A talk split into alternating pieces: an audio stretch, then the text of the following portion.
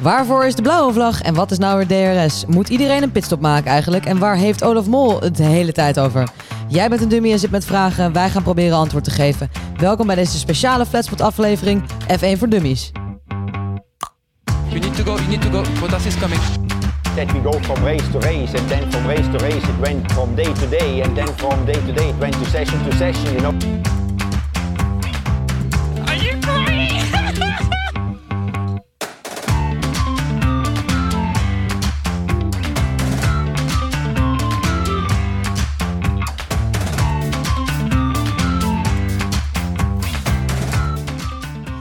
Ja, hallo allemaal en welkom bij deze speciale aflevering van de Flats Podcast, waarin de meest amateuristische experts van Nederland je bijpraten over de zin en vooral de onzin van de Formule 1.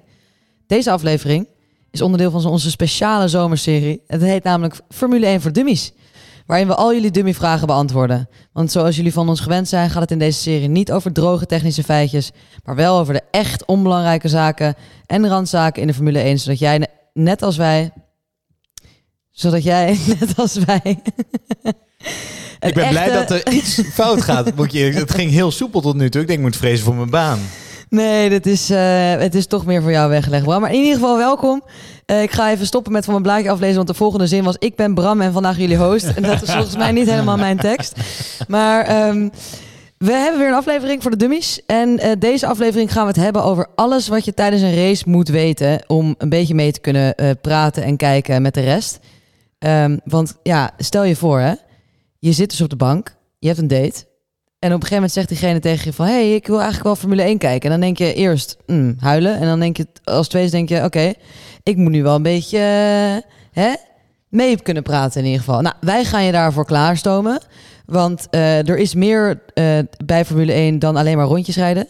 En we nemen je dus eventjes mee door de hele race. Want er zijn een aantal dingen zeker in het leven. De dood, belasting. En het feit dat een Formule 1 race start... dat iedereen een pitstop moet maken... en dat een Formule 1 race eindigt.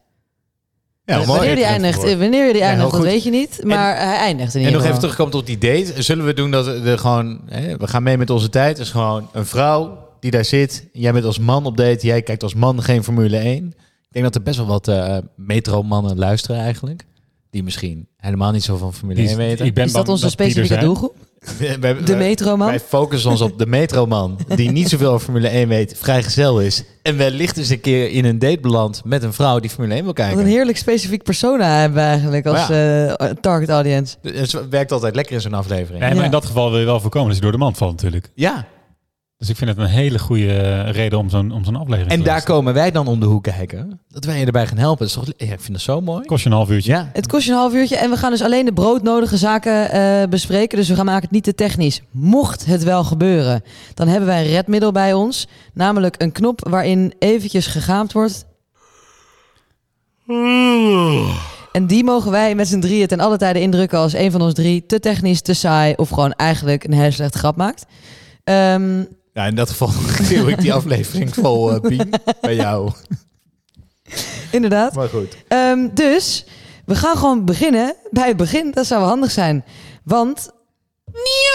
Inderdaad, gewoon bijna vergeten. Ja, die knoppen, weet je, het zijn er zoveel. Niet doen.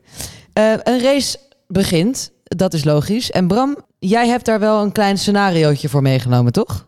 Een scenario voor de... Voor, nee, ja, dus die race start. En wat moet je dan weten over het begin van de race? Nou, jij gaat zitten. eh, we beginnen altijd eh, klokslag het hele uur.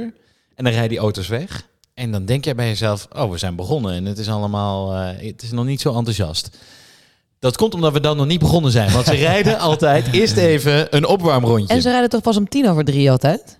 Of ligt dat Nee, nou- dus zijn we om, om, drie, om drie uur gaan ze, Oh, sorry. beginnen Ja. ze hiermee. Ja, nou, je hebt helemaal Ja. Ehm, dus nee, ze rijden eerst altijd even een opwarmrondje. Dat doen ze om die banden warm te maken. Nou, daar gaan we in een andere aflevering wel meer op in. Eh, kijken of die auto het allemaal doet. Kijken of ze nog een beetje kunnen. Kijken op welk circuit ze eigenlijk rijden. Sommige waar ze links en rechts crashen. moeten. Sommige coureurs crashen in die ronde. Eh, en vervolgens komen ze weer aan bij die start- en stopopstelling. Dan moeten ze stil gaan staan. Ehm, als iedereen stilstaat, eh dan gaan de lampen aan. Vijf rode lampen, die gaan achter elkaar uit. Dan gaat de laatste uit.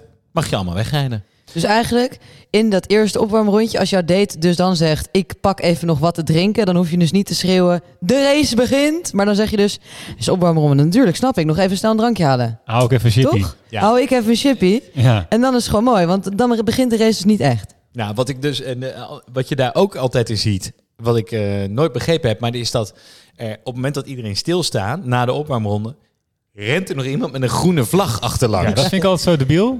Maar waarom is dat? dan? Ja, alsof er een streaker zeg maar het circuit op is gelopen. Waren dat vroeger de pitspoezen? en is dat nu dus een random dude met een groene vlag geworden? een net iets te dikke vent is het altijd, die niet heel hard kan rennen. Maar ik vind ze altijd wel goed vlaggen terwijl ze rennen. Dat is om aan te geven dat de allerlaatste auto ook daadwerkelijk stilstaat. Het is dus wel eens voorgekomen, eh, bijvoorbeeld in, eh, nou ik weet nog goed, 1978 Monza, ik weet nog goed.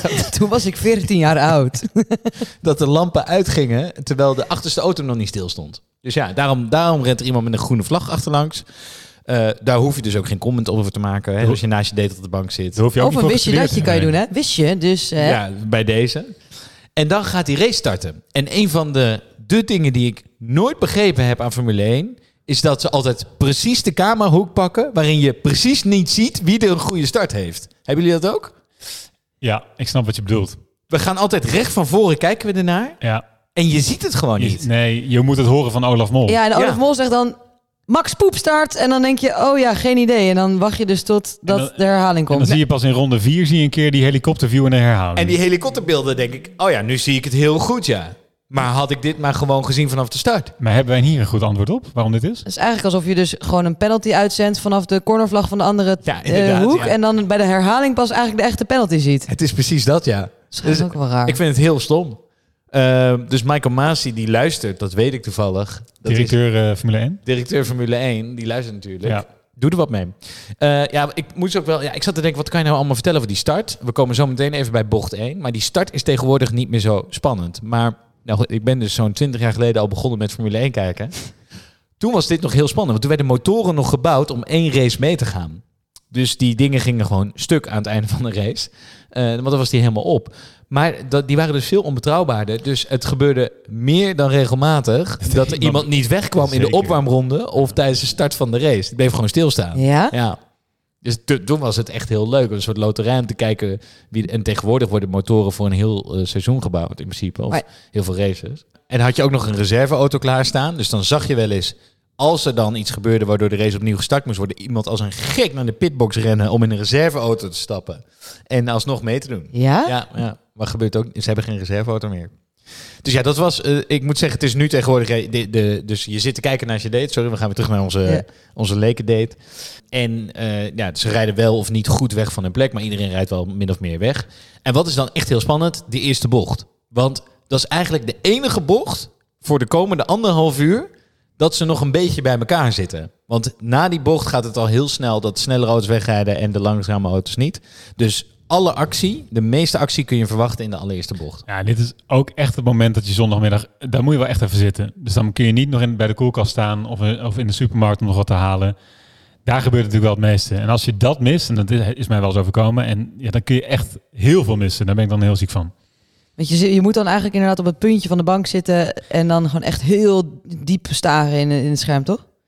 Ja, ik denk, ik, ik, de- moeilijk om een schatting te maken, maar de helft van de bocht 1 eh, gebe- valt er in ieder geval wel iemand uit, toch? Want je hebt dus inderdaad, als je dus eerste staat, dan, dan is het nog wel te doen, zo'n bocht. Maar als je dus, stel je voor, je, je bent nummer 10 van de 20, dan zit je dus midden in het verkeer. En dan moet je maar eens in, in eh, zo'n bocht zien door te Dan komen. ga je met vijf man tegelijk ga je zo'n bocht door. Ja. Ehm, en dit, het is dus, je moet verdedigen tegen degene die achter je opkomen. Je moet ook aanvallen, want inhalen is moeilijk in de Formule 1. eh, en dat kan daar dus wel. Dus als je dan helemaal een plek hebt, verdedig je hem ook makkelijker na die eerste bocht.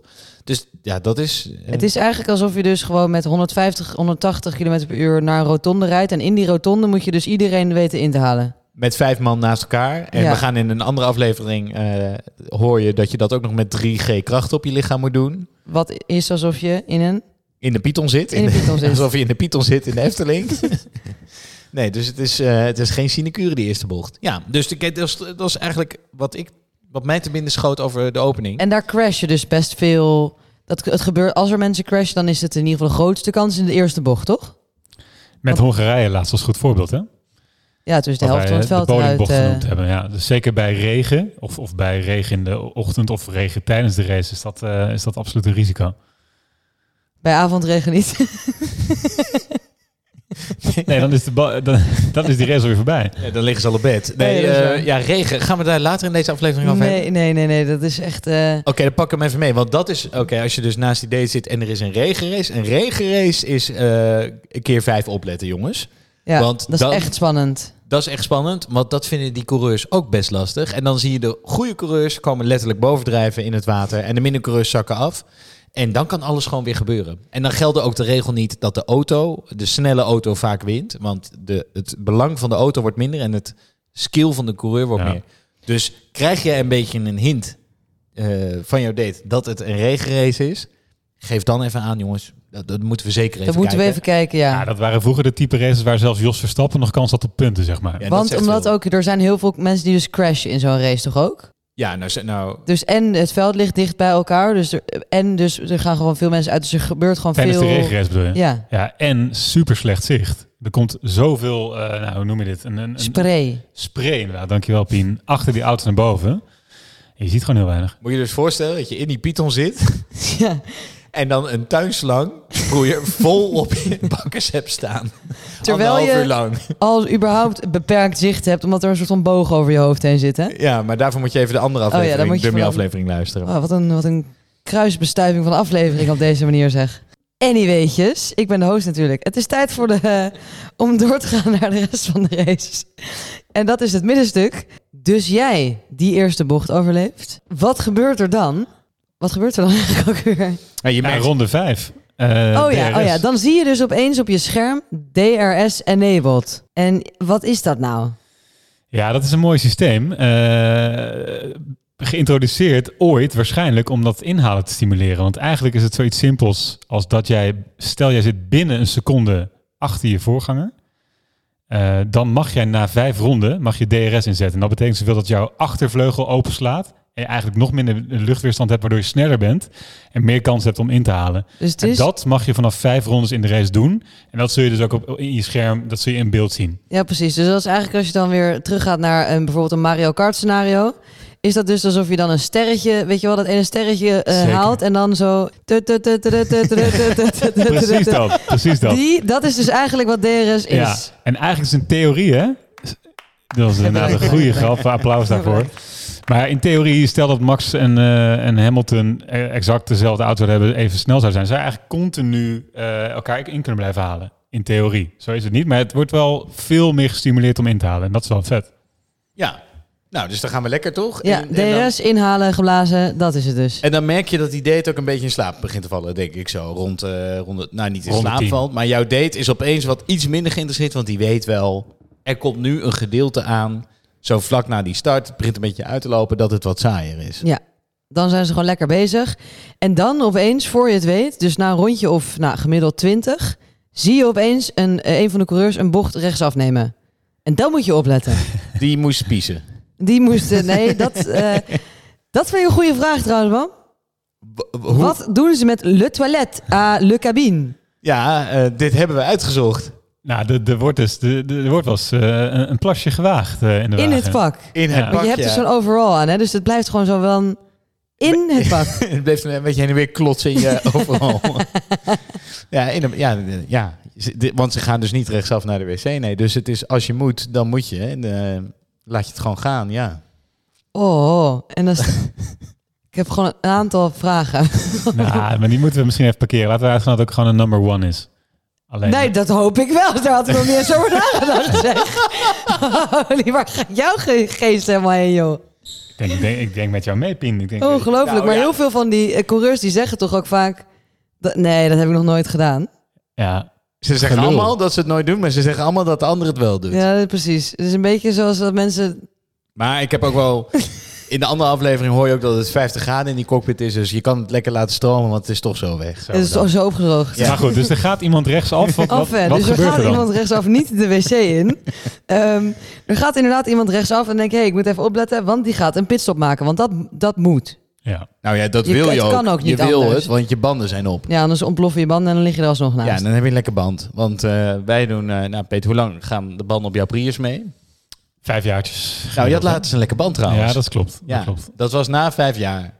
Waarschijnlijk. Ja, nou, ik denk dat een, een, gem- een gemiddelde Formule 1 coureur is na vijf ronden begint hij al een beetje zenuwachtig te worden. Ja. Zeker Lewis Hamilton, maar dat is eh, weer een ander verhaal.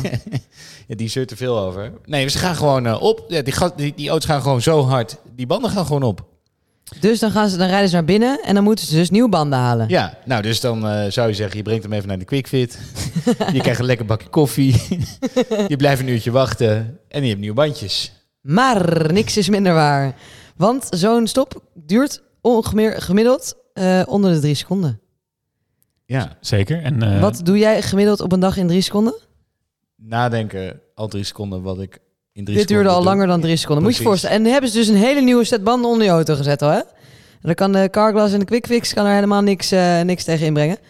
Maar goed, dus... Ik ehm, hoop dat er iemand luistert van de quickfit trouwens, ja. Als je erover nadenkt. Come wat- on, guys. Kunnen zij ons pedalkaarten geven dan, omdat we ze nu gratis noemen? Oh ja, inderdaad.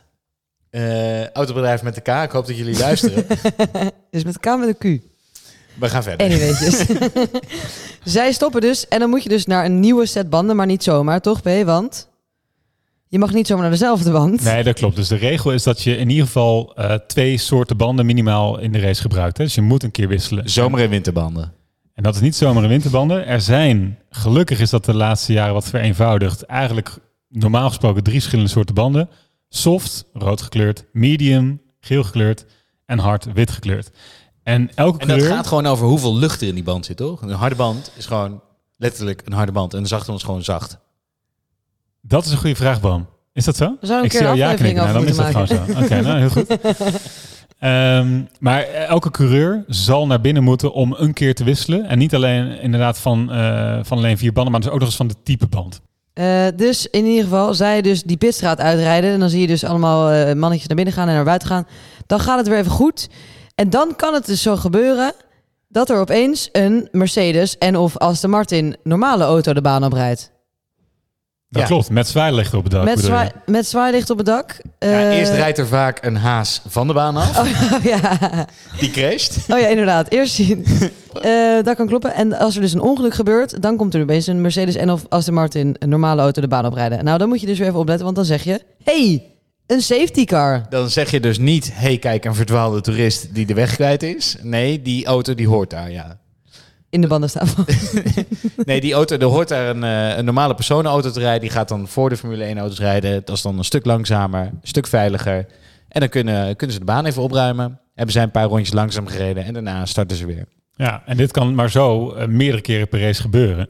Want hè, onder andere door die, door die veiligheidseisen die wat, wat groter worden. Ook als een, een autootje weggetakeld moet worden, 50 meter van die baan af, dan nog zal waarschijnlijk die safety car eh, op de weg En komen. ze klagen dus altijd dat het heel langzaam gaat. Maar zo'n auto rijdt dus gemiddeld 180 km per uur nog steeds. Hè? Die safety car, daar zitten na, nou dat zie je, zie je ook wel eens op de beelden op tv. Hè. Er zitten twee mensen in, die zitten te zweten. Zo hard zijn ze bezig met een helm op. En die, maar die rijden dus inderdaad 180 km per uur. Ja, terwijl die die, weet ook omdat hij 80 is, geloof ik. Ah. En omdat hij best wel dik is. Maar, Nee, maar die, die zijn in een totaal ander type auto. Zijn ze echt aan het planken. Terwijl die Formule 1 coureurs daarachter zitten echt op een die uh, zitten gewoon- 11 daar heel rustig achter hun banden een beetje op te Die warmen. zitten gewoon sudokus te spelen achter, achter dat stuurtje. Gewoon Ja. omdat ze zich zo vervelen. Ja, en wat dus, eh, dus tijdens die safety car kan je absoluut even zelf een kleine pitstop maken met, eh, tijdens die date. Maar je moet terug zijn voor het einde van de safety car. Dat zie je dus in je scherm als safety car ending. Safety car ending. Nou, dat is opletten geblazen. Zet die tv maar wat harder. De baan is namelijk weer vrij en veilig. Die safety car die gaat weg. En op dat moment mag de voorste bepalen eh, wanneer, eh, hoe hard er gereden wordt. Dus de voorste Formule 1 coureur. Klopt. En die mag, niemand mag iemand inhalen totdat ze weer bij de start-finishlijn zijn eh, op het rechte stuk. Dus diegene mag zelf bepalen hoe hard of langzaam hij daar naartoe rijdt.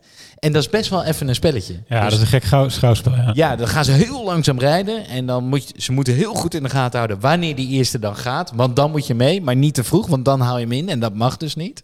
Ehm, en die herstart is bijna net zo spannend als een echte start. Dus dat is leuk. Ja, dat is leuk. En je- nog het laatste wat je erbij moet vermelden. De safety car is dus eh, de normale optie. Dan heb je nog een virtual safety car. Oeh. Dat is dus als het net niet zo heftig is. Dat dus een Mercedes en of Aston Martin daarvoor moet rijden. En als het echt heel erg is, een heel erg ongeluk gebeurt of zoveel zooi op de baan dat er echt eventjes goed opgeruimd moet worden, is er een rode vlag.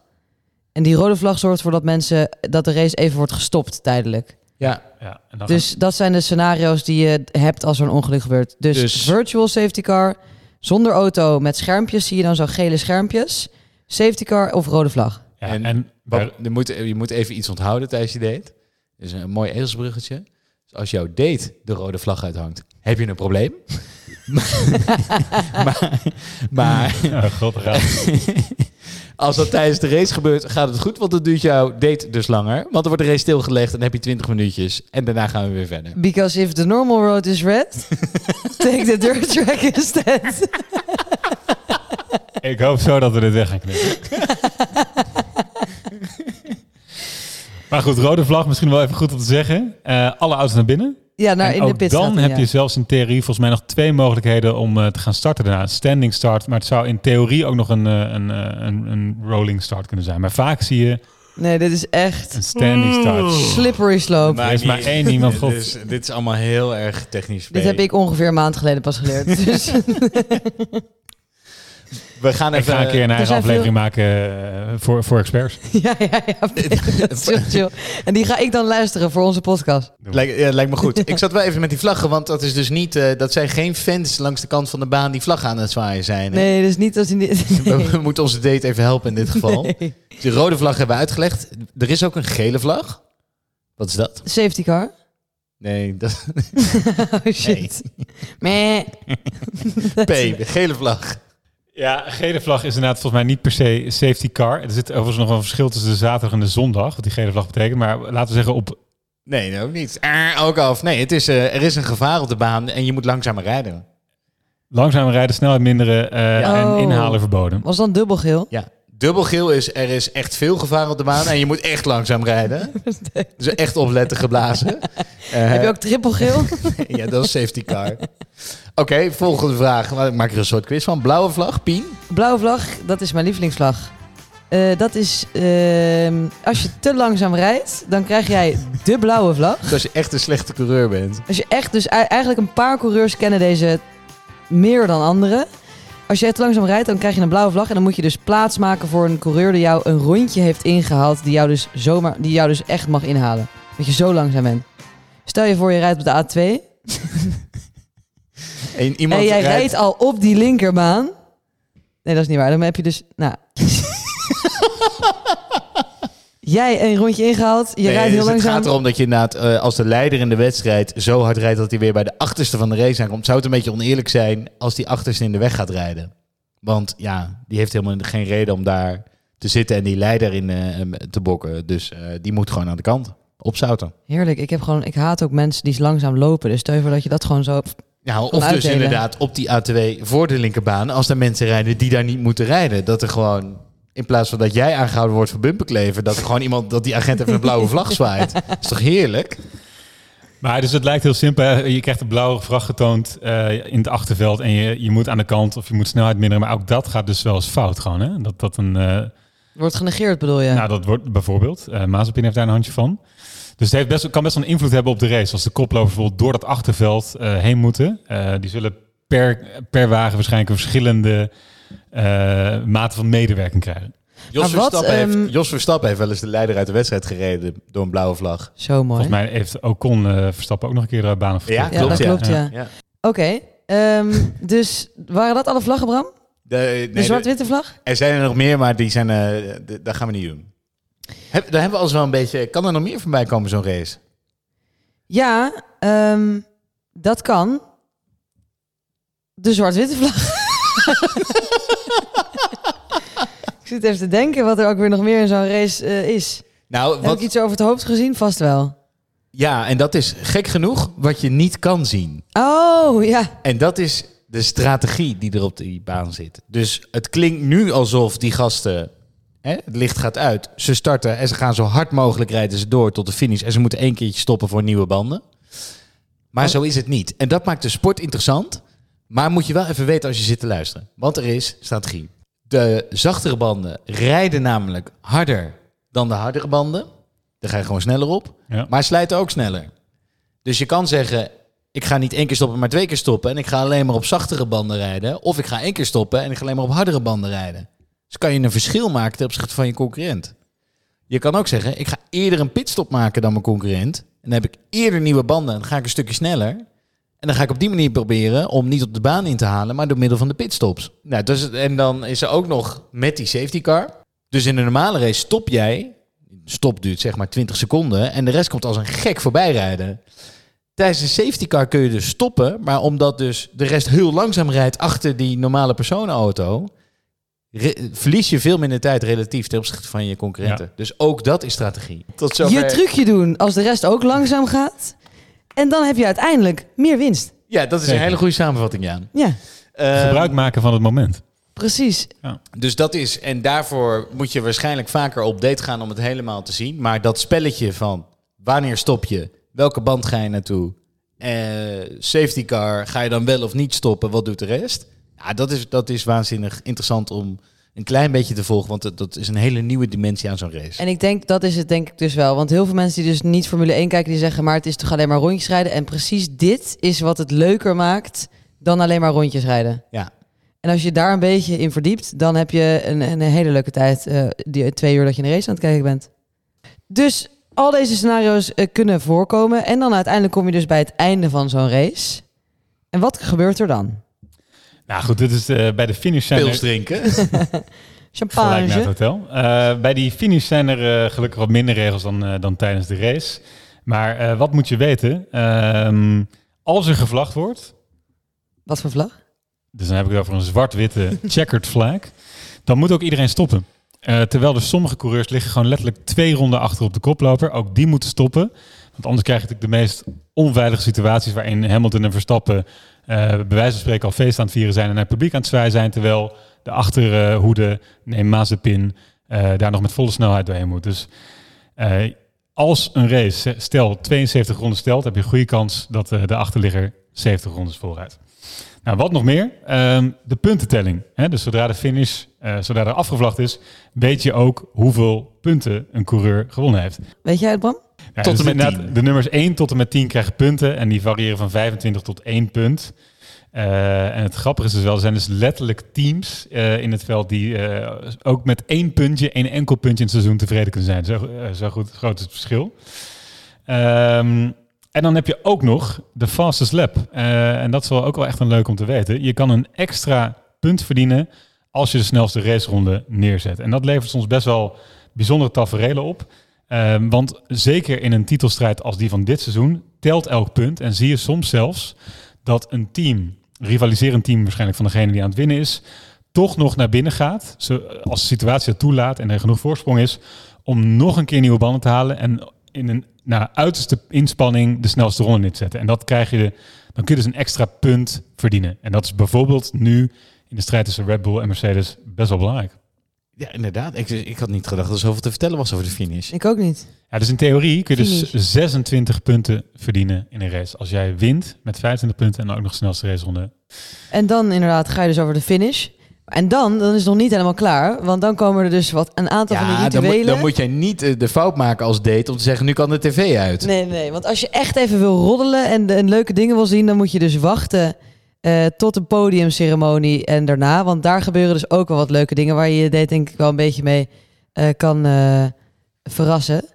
Namelijk, nou, die coureurs hebben gewonnen, leuk. 1, 2, 3 komen op het podium, champagne spuiten. Ik denk dat mensen die geen Formule 1 kijken dat ook kennen.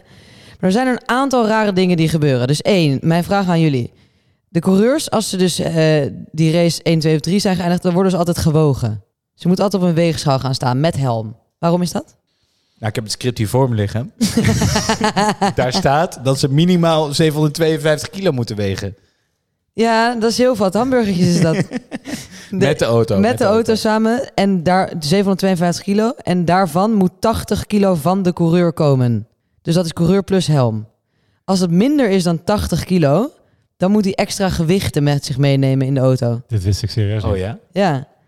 Dus als jij minder weegt dan 80 kilo, dus, dus heel even de basis, inderdaad, je wil zo licht mogelijk zijn. Want eh, hoe minder je weegt, hoe sneller je gaat. Maar minder dan 80 heeft geen zin dus. Maar minder dan 80 heeft. Nee, met helm. Ja, dus iets van rond de 75. 75 of zo. maar wil je dus niet wegen, want dan moet je gewichten meenemen. Dus dan ben je aan het diëten voor niks. Maar Yuki Tsunoda, Die Ja. heeft gewoon een Die- die veel vol met beton in zijn ja, die is 1 meter 10. Zeker, Bottas heeft, ik weet, weet wel dat Bottas altijd gewichtjes, dus dan krijg je net als dat je gaat duiken, weet je wel, krijg je dus van die eh, pakketjes Ja, met eh, gewicht in je ding. Dus daarom worden ze gewogen, maar het is best tricky, want tijdens een race verlies je eh, ongeveer 4 kilo. Dus je valt 4 kilo af tijdens een race, zo intensief is het. Dus dat is, kan nog wel eens een probleem zijn, want dan ben je dus soms onder de 80 kilo. En wat er dan gebeurt, heb ik even niet opgezocht, maar... Wist jij, Pien, dat, eh, dat dat de reden is dat, die, dat ze zoveel mogelijk naast de racelijn rijden tijdens de, als ze gefinished zijn?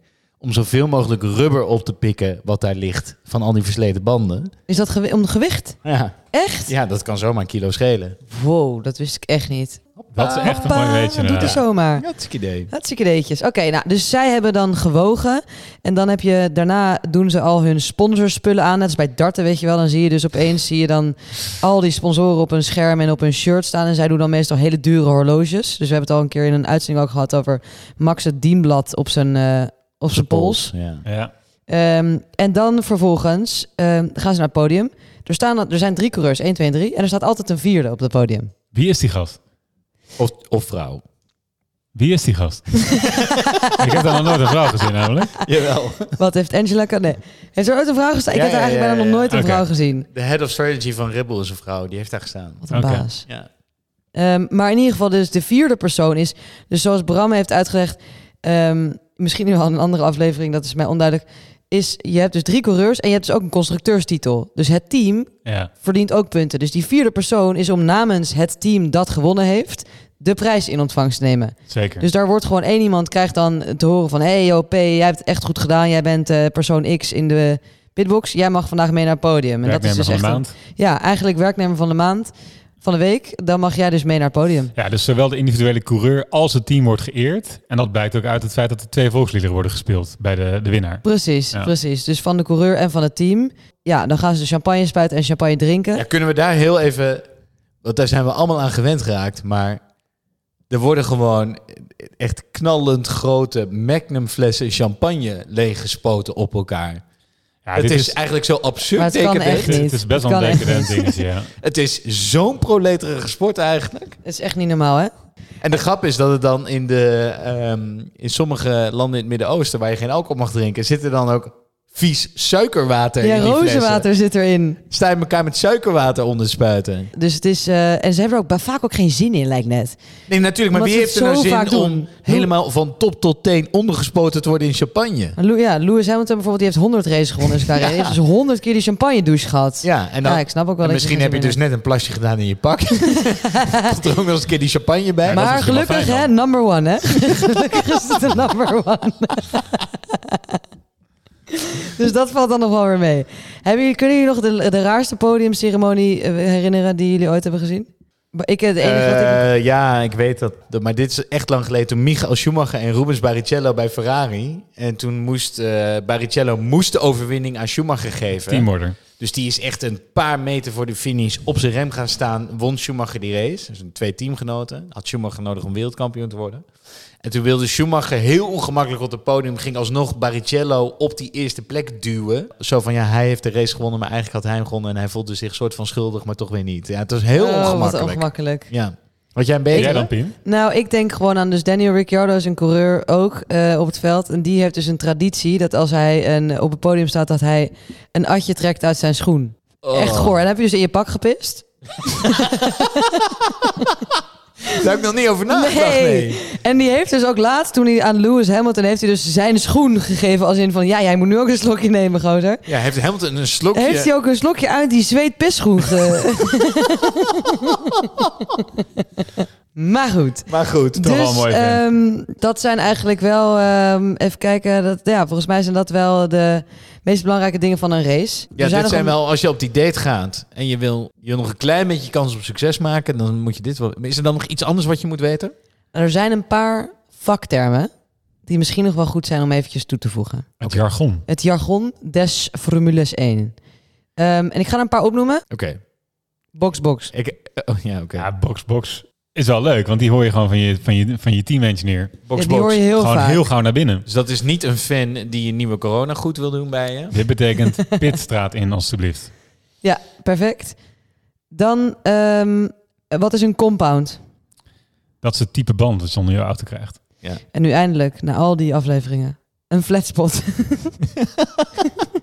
de naam van onze we- podcast waar we nogal veel vragen over krijgen. Ja, we krijgen heel veel vragen. Wat is eigenlijk is- flatspot? De flatspodcast, de flatskast.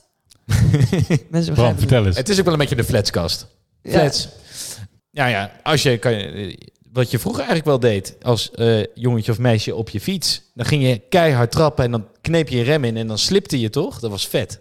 Ja, nou dus als je dat in je Formule 1 auto doet, dat slippen, dan zit er een vlak kantje op dat bandje.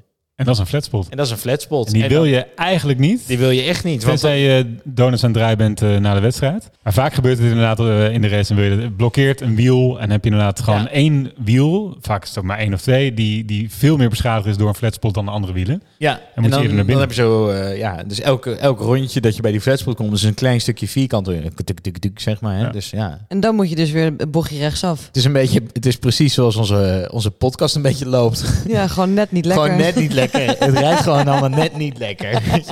We weten gewoon allemaal net niks. Het is een necessary evil. Het kan soms gebeuren, maar is- ja, liever niet. Het is een hele goede naam voor deze podcast. ja. Ehm, even kijken. Race pace, zegt Olaf Mol nogal vaak.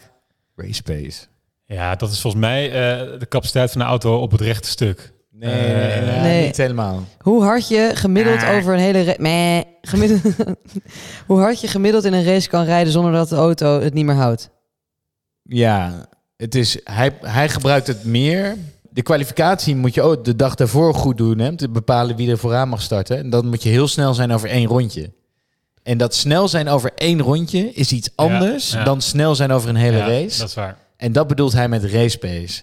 Dus Dus het heeft met andere instellingen te maken. ja, Ja. En maar bijvoorbeeld ook, je kan ook over Sergio Perez zeggen, die is altijd slecht op de zaterdag met de kwalificatie. Dus de teamgenoot van Max Verstappen. Ja. Maar op de zondag is hij altijd goed, dus hij heeft race pace. En dan eh, het volgende is meer ook- gevoel. Terwijl het volgens mij, maar goed, laten we niet te veel ook vaak aan de auto wordt toegeschreven. De, die auto ja, is goede ja, race pace. goede race pace. Ja. Het is, het dus is combinatie. auto, een beetje Ja. coureur, Ja. een beetje Wat vond gevoel. je, jij had ook zo'n Formule 1 term die jij heel mooi vond. Ik had het over debris. Oh ja, debris. Ja, maar dat, dat, dat is niet zo heel spannend. Dat is eigenlijk gewoon rotzooi op de baan. maar in sommige, Is dat in jouw sommige circuits... lievelingsjargon? Nou ja, in, so- het leuke is dat hij in sommige races wat meer naar voren komt. Waar er wat meer vel op de straat ligt. Volgens mij in Baku heb je, komt dat woord voor mij weer één keer, in de zoveel, één keer per jaar naar voren. Echt meer dan bij andere circuits. Dat vind je gewoon een mooi woord. Vind ik gewoon mooi. Ja, vind ik leuk. Ik had er net nog eentje. Stint. Een stint, als ik me niet vergis, is eigenlijk eh, de fase van een race tussen bijvoorbeeld twee pitstops en start Ja. of start of een pitstop of pitstop en finish. Ja, dus dat zegt Olaf Mol best vaak. Hij heeft een goede stint gehad. Dat betekent dus dat. Ja, dus we hadden het net over strategie, wat je niet kan zien. Dus daarom hebben we het over stints. De eerste stint kan snel zijn op een zachte band. De tweede stint kan langzaam zijn op een harde band. Ja, en, En dan alles daartussen. In voetbal eh, kun je eh, terugblikken met een goede tweede helft gespeeld die gast. Maar in dit geval je kunt ook zeggen, deze coureur echt een goede tweede stint gereden. Goeie vergelijking. Ja, vind ik Kan ook. ik applaus geven? Dank je wel. En dan, ehm, Nee, ik zit te denken, is er iets wat we nog even onze date mee kunnen geven? Oh, de, ja, de gele theestukken. Dat is jouw tip. Oh, hey. Dit is wel echt zo'n lekker tipje. Dit is wel echt een lekkere tip. Ja, Oh, zeker dit als je naar eh, een vergeten. circuit eh, toe gaat, toch? Ja, ik weet niet of deze helemaal voor dummies is, maar inderdaad, Pien, dit is vooral handig als je een keer bij een race gaat kijken. En ik heb dat een keer meegemaakt. Als je op een tribune zit en van een afstand kijkt en er gaan twee Red Bulls langs, dan zie je niet per se vanaf zo'n afstand wie wie is. En dan is het leuk om te weten dat er eigenlijk een T-stuk, een T-koon, bovenop de auto zit. Daar zit vaak ook een cameraatje in. En het verschil tussen elk team, van, tussen beide coureurs van elk team, is dat de een geel is en de ander zwart. En vaak heeft de oudere meer ervaren van de twee heeft de zwarte. Dus dat... eh dat, dat is eh, eigenlijk een soort de eerste en tweede coureur. Een soort, nou soort ja, zou je kunnen rugnummers met zeggen. Ik, voetbal. verwa- ik, ik zou het moeten checken hoor, maar ik verwacht inderdaad dat Bottas eh, dan de gele heeft bij Mercedes. Ja, zeker weten. Ja. Ja, maar hij is geen tweede coureur, jongens. Dus voor de mensen die naar Zandvoort gaan, eh, dat is de manier om eh, Max van eh, Perez te onderscheiden. Ja, dat is wel echt een goede tip. Als je, tenzij je ook de nummers kan lezen op de auto, hè? Dus, eh, dan, maar dat zou knap zijn. Als je bij het rechte stuk zit, Ja. is dat nogal moeilijk. Maar dat is een goede tip. En met deze tip gaan we denk ik eh, afsluiten voor deze aflevering. En daarmee zit het er weer op. Heel veel dank voor het luisteren naar de eerste aflevering in deze serie. Luister ook naar onze aflevering met meer achtergrond bij de Formule 1, zodat je maandagochtend goed kan redden bij het koffieautomaat met collega's en onze afleveringen waarin we wat beter kijken naar de teams en hun coureurs. En tune natuurlijk in naar de eerstvolgende racebeschouwing. Hè? Elke maandagavond na de race direct beschikbaar. En nog een klein verzoek. Volg ons lekker op die Instagram. Sluit ons in de DM met nog meer vragen. Weet ik het wat allemaal. Prettige avond. En Tot hou ziens. van ons. Tot doei doei.